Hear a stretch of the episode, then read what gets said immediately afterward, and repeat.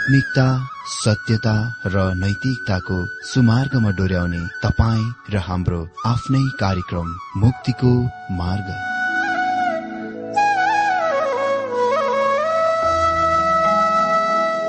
आदरणीय श्रोता यस मुक्तिको मार्ग कार्यक्रममा हार्दिक स्वागत छ।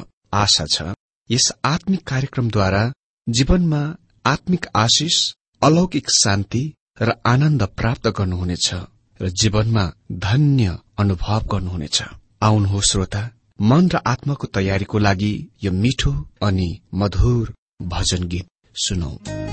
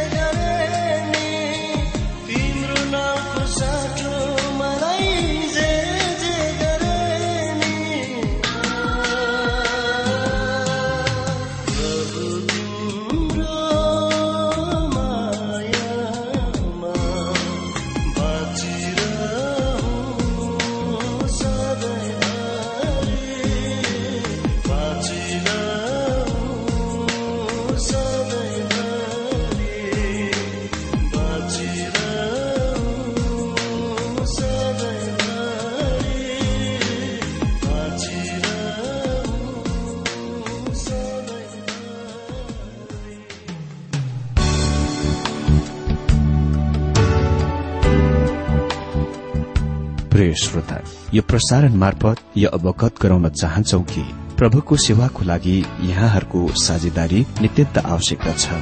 यहाँहरूले प्रार्थनाको साथसाथै आर्थिक सहायता गर्न अनुरोध गर्दछौ। तपाईँहरूको सानो भन्दा सानो भेटी किन नहोस्? हामी प्रभुको नाममा स्वीकार गर्नेछौ। प्रभुको सेवाको लागि। तपाईँहरूको यो सानो लगानीले कसैको जीवनमा भिन्नता ल्याउँछ अनि प्रभुको महिमा हुन्छ। प्रभु तपाईँहरूलाई महान गरी आशिष दिनुहुनेछ। इच्छुक श्रोताहरूले तपाईँको इच्छा भेटी हाम्रो ठेगानामा पठाउन सक्नुहुन्छ जुन ठेगाना हामी कार्यक्रमको अन्तमा दिनेछौं।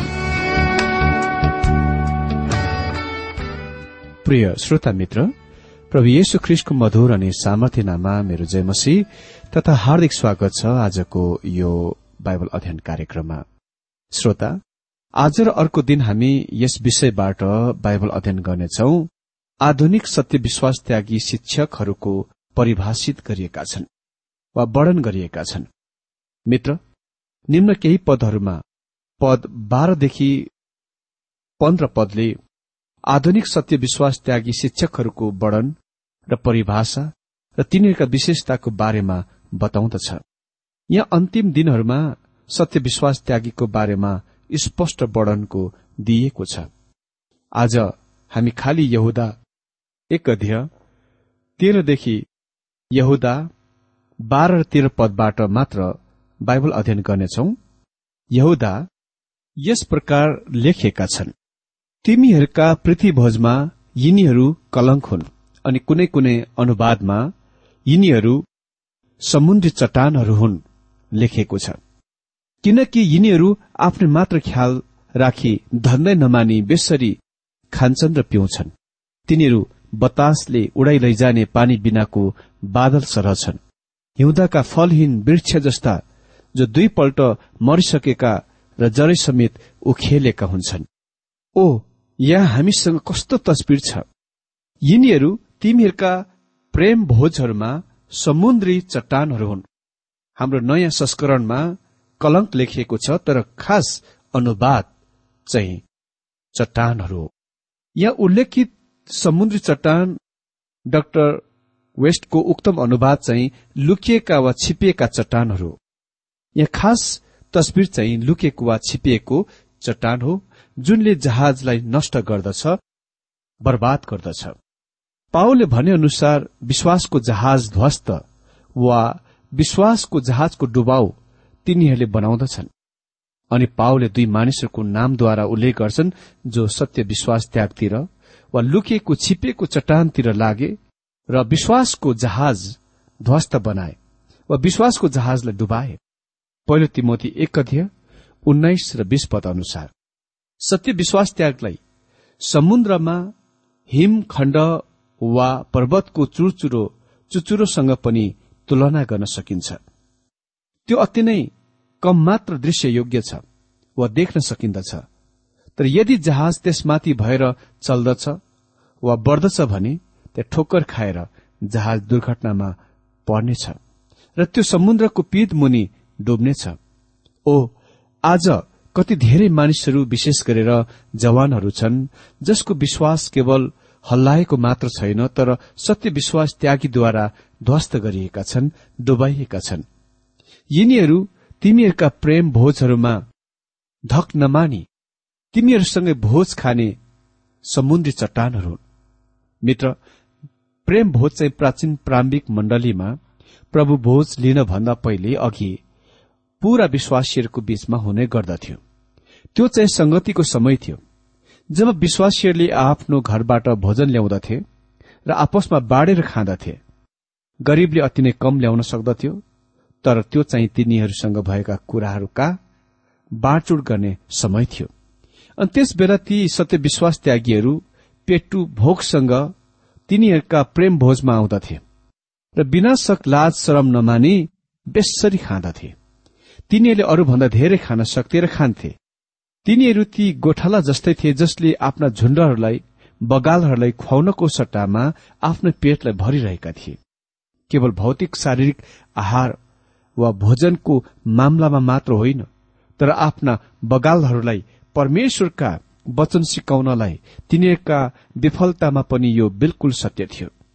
यो बिल्कुल स्पष्ट र प्रत्यक्ष थियो कि तिनीहरू खालि आफ्नै स्वयंको बारेमा मात्र वास्ता र ख्याल गर्दथे। मिल्टनले यस प्रकारको परिस्थितिको वर्णन गर्दछन् जब उसले आफ्नो साथी लिसिदासको सम्बन्धमा लेख्छन्। आफ्नो कवितामा उसले त्यस जवान मानिसको लागि आफ्नो शोकको व्यक्त गर्दछन् जो अति नै महान प्रचारक र परमेश्वरको वचनको व्याख्याता थिए। तर इरिस नहरमा डुबे। मिल्टनले आफ्नो दिनमा इङ्ल्याण्डमा प्रबल भएको परिस्थितिको वर्णन गर्छन् भोको भेडा माथि हेर्दछ र त्यसले खुवाइँदैन। ओ पुलपिटमा सत्य विश्वास त्यहाँको कस्तो तस्विर छ?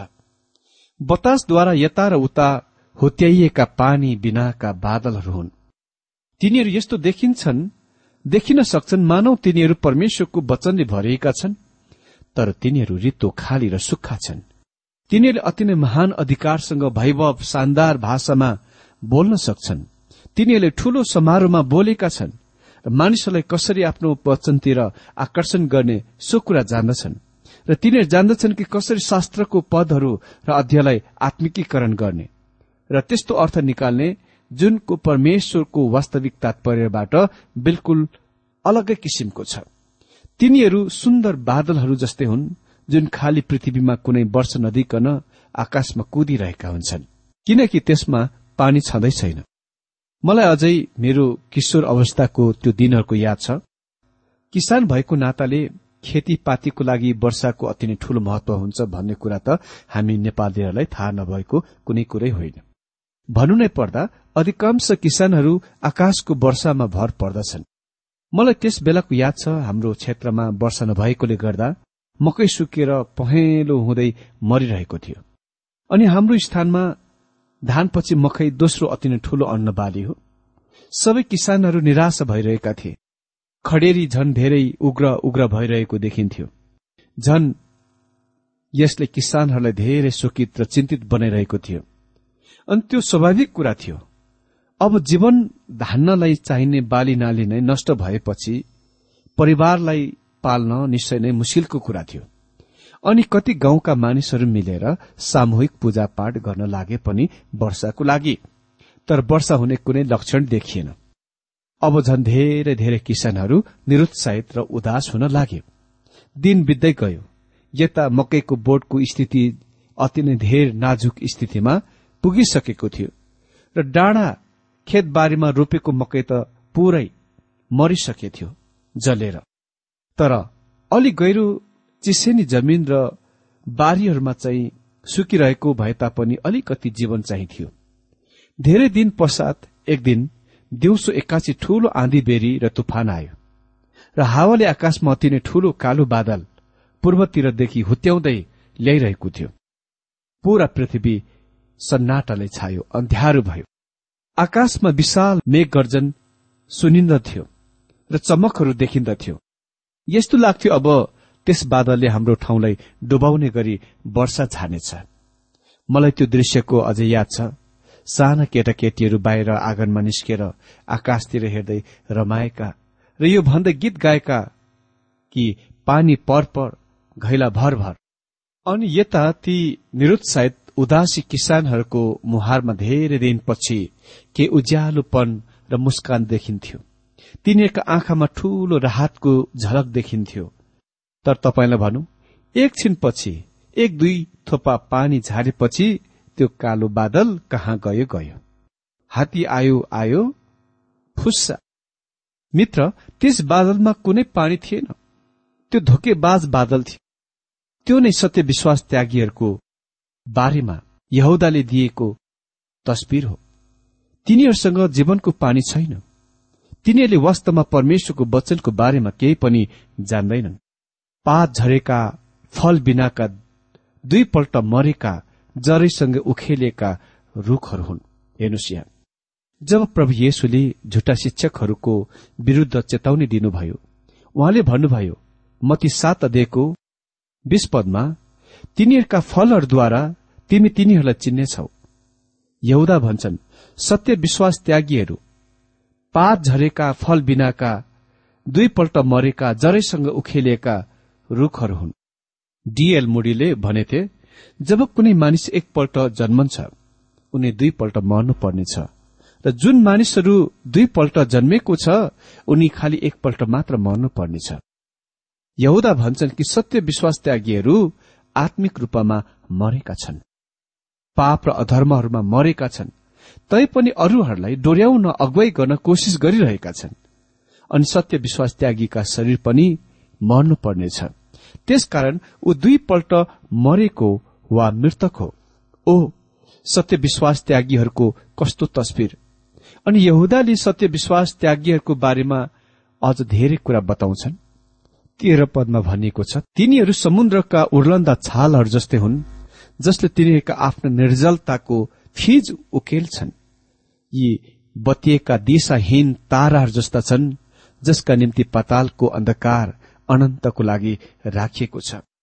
मित्र अघिल्लो पद बाह्रमा यहुदाले भने कि सत्य विश्वास त्यागीहरू बतासद्वारा हुत्याएका पानी बिनाका बादलहरू हुन्। यी मानिसहरू सामान्य गरी प्रत्येक आराधनाको दिनमा वर्तमान घटनाहरू परिस्थितिहरूको बारेमा बोल्दछन्। तिनीहरूले अखबारबाट केही कुरा टिप्छन् उद्धृत गर्छन् वा तिनीहरूले टीभीमा देखेका र रेडियोमा सुनेका कुराहरू टिप्छन्। र त्यो प्रभुको आगमनको लागि तिनीहरूका विषय बन्दछ।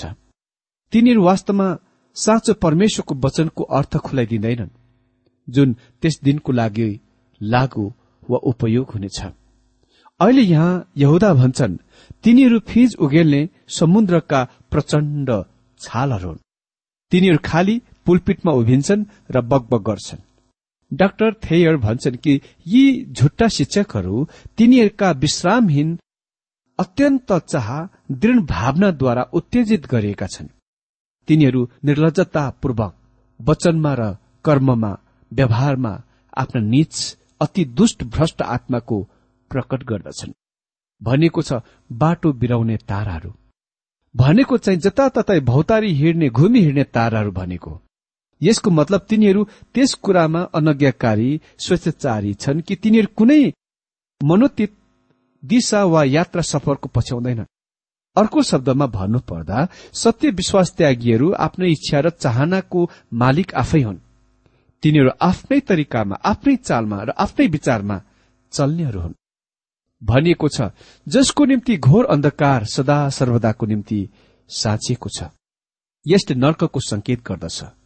नर्कको एउटा प्रतीक चाहिँ आगो हो अनि अर्को चाहिँ घोर अन्धकार हो। नर्कको सम्बन्धमा महान जोड चाहिँ आगोको प्रतीकमाथि दिइएको छ। नर्क निश्चय नै अक्षरस वास्तविक हो।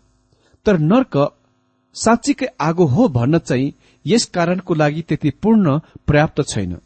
त्यहाँ आत्मिक प्राणीहरू साथै मानिसहरू हुनेछन् अनि मानिसको सबभन्दा खराब पाप चाहिँ आत्मिक पाप नै हो जस्तै अविश्वास। त्यसकारण शारीरिक सजाय वा दण्ड कति पनि एकदम काफी यथोचित हुने छैन। मित्र मेरो विचारमा नर्कको सम्बन्धमा अक्षरस आगोको प्रतीक भन्दा घोर अन्धकारको प्रतीक नै अझ धेरै यथोचित होला। किनभने यो आगो भन्दा अति नै धेरै खराब हुनेछ।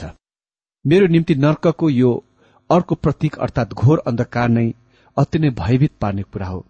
अनि म विश्वास गर्दछु कि पापमा गुमेका र निन्दित मानिसले आफ्नो अन्धकार आफैसँग बोक्दछ। खालि मनोवैज्ञानिक अन्धकार मात्र होइन तर आत्मिक अन्धकार पनि। जोन मिल्टनले जससँग धेरै आत्मिक सत्यताहरूमा आत्मिक अन्तर्ज्ञान बोध थियो यी वाक्यहरू लेखे त्यस व्यक्ति जससँग आफ्नो स्वच्छ निर्मल अन्तस्करण भित्र ज्योति छ केन्द्र बिन्दुमा बसेर उज्जवल दिनको आनन्द भोग गर्दछ। तर त्यस व्यक्ति जसले अन्ध्यारो हृदय र अपवित्र अशुद्ध विचारहरूको छिपाउँछ। मध्याह सूर्यको ज्योति मुनि पनि अन्धकारभूत अज्ञानग्रस्त हिँड्दछ र ऊ आफै स्वयं आफ्नै कालो कोठरी हो। यो भयानक महान कुरा हो। मेरो विचार यो हो कि नर्कको त्रास वा आतंक ती मानिसहरूद्वारा बढ्नेछ जो त्यहाँ जाँदछन्। उदाहरणको निम्ति पृथ्वीमा नर्क नामका स्थान छ। के त्यहाँ कुनै त्यस प्रकारको स्थानमा भिन्नता छ? अह। भिन्नता चाहिँ ती मानिसहरूमा छ जो त्यहाँ छन्। यो भौतिक शारीरिक अन्धकारको धारणासँग एकैसाथ मेरो निम्ति वर्णनदेखि बाहिरको डरको भयभीत कुरा हो त्रासको कुरा हो। यदि तपाईँ कहिले कुनै खानको सुरुङ मुनि जानुभएको छ र एक्कासी बिजुलीको ज्योति वा प्रकाश काटिन्दछ भने तपाईँ जान्नुहुनेछ कि वास्तविक अन्धकार के हो। म कलेजको तेस्रो वर्षमा म र मेरा साथीहरू कलेजबाट भ्रमणको निम्ति भारतको विभिन्न स्थानमा जाने मौका पाएका थियौं। र यसै दौरानमा महाराष्ट्रको एक नागपुरदेखि करिब तीस पैंतिस किलोमिटर पश्चिमतिर एउटा जग्गा छ जुन जग्गाको नाम मैले भोले त्यो एउटा ठूलो पत्थर कोइलाको खान छ। अनि त्यो खानी उहिले ब्रिटिसको जमानादेखि चलिरहेको छ त्यहाँबाट चाहिँ कोइला निकालिन्दछ। र त्यहाँ कोइला निकाल्ने तौर तरिका पनि पुरानो पारम्परिक तरिकाको तकनिकको माध्यमको आधारमा निकालिन्दछ। अनि त्यहाँ घुम्दै जाँदा त्यस खानको म्यानेजरसँग हामीले खानभित्र प्रवेश गर्ने अनुमति माग्यौं। पहिले त दिन चाहेनन् तर हाम्रो ढिपीले गर्दा अन्त्यमा उसले प्रवेश अनुमति दिए। हामी करिब दस बाह्र जना केटा केटीहरू थियौं र हामीलाई अगुवाई गर्ने गाइड एकजना अनुभवी गाइड माइन इन्जिनियरलाई पठाइयो। त्यो खान करिब जमिन मुनि हजारौं मिटर सुरुङ खनेर लगिएको रहेछ। कतिजना त सुरुङभित्र पसेको एक सय मिटर दूरीबाट डरले गर्दा फर्किआए। तर हामी चाहिँ अगाडि बढ्दै गयौं। भित्र अति नै भव्य दृश्य थियो र डर पनि लागिरहेको थियो। जब हामी पन्ध्र सय मिटर भित्र पुगेका थियौं एक्कासी बिजुली काटियो। वायरलेसबाट जानकारी दिइयो कि त्यहाँ नै शान्तसँग रहन किनकि बाहिर बिजुलीको ट्रान्सफर्मर विस्फोट भएछ। अनि मित्र र जेनेरेटरमा पनि त्यही बेला केही गडबड भएछ। अनि हामी प्रत्येकसँग हेडलाइट त थियो तर त्यसले त्यस्तो अन्धकारमा के पो काम गर्दथ्यो र? जतातता अन्धकार नै अन्धकार अति दम घुटिरहेको थियो। यो भयानक अनुभव थियो हाम्रो निम्ति। हामीलाई थाहा भयो कि वास्तविक घोर अन्धकार कस्तो हुन्छ। त्यो समयदेखि त्यस्तो अन्धकारको समयमा जान मैले कान पक्रे मैले यहाँ स्पष्ट पार्न खोजेको कुरा यो हो कि नर्कको दुई प्रतीक छ एउटा चाहिँ आगो हो र अर्को चाहिँ घोर अन्धकार। अनि मेरो निम्ति नर्कको सम्बन्धमा घोर अन्धकारको प्रतीक आगोको प्रतीक भन्दा भयानक छ। मित्र ती सत्य विश्वास त्यागीहरूको अन्तिम लक्ष्य र भाग्य केवल घोर अन्धकारको नर्क हो। परमेश्वरले आजको यो बाइबल अध्ययनद्वारा हरेकलाई धेरै धेरै आशिष दिनुभएको होस्।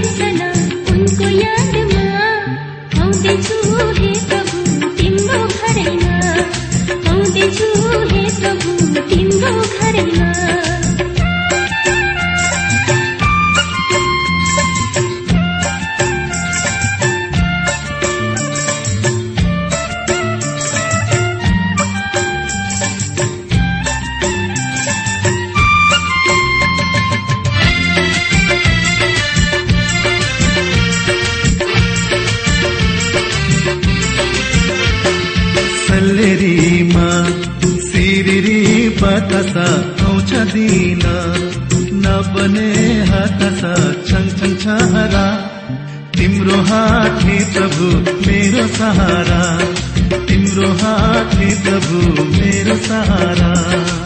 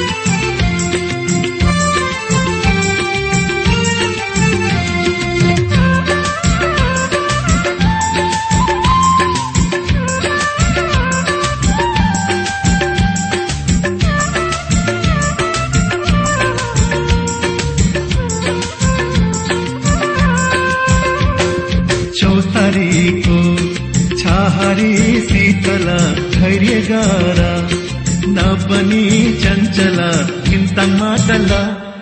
ಹಟಾಯ್ದೆವು ಹೇ ಪ್ರಭು, ಕಾಲು ಬಾದನ ಹಟಾಯ್ದೆವು ಹೇ ಪ್ರಭು, ಕಾಲು ಬಾದನ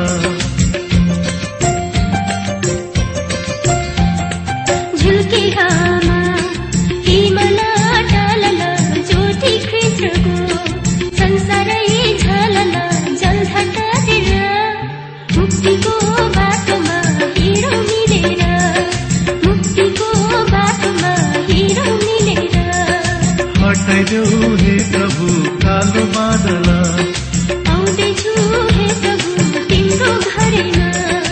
हटाइदेऊ हे प्रभु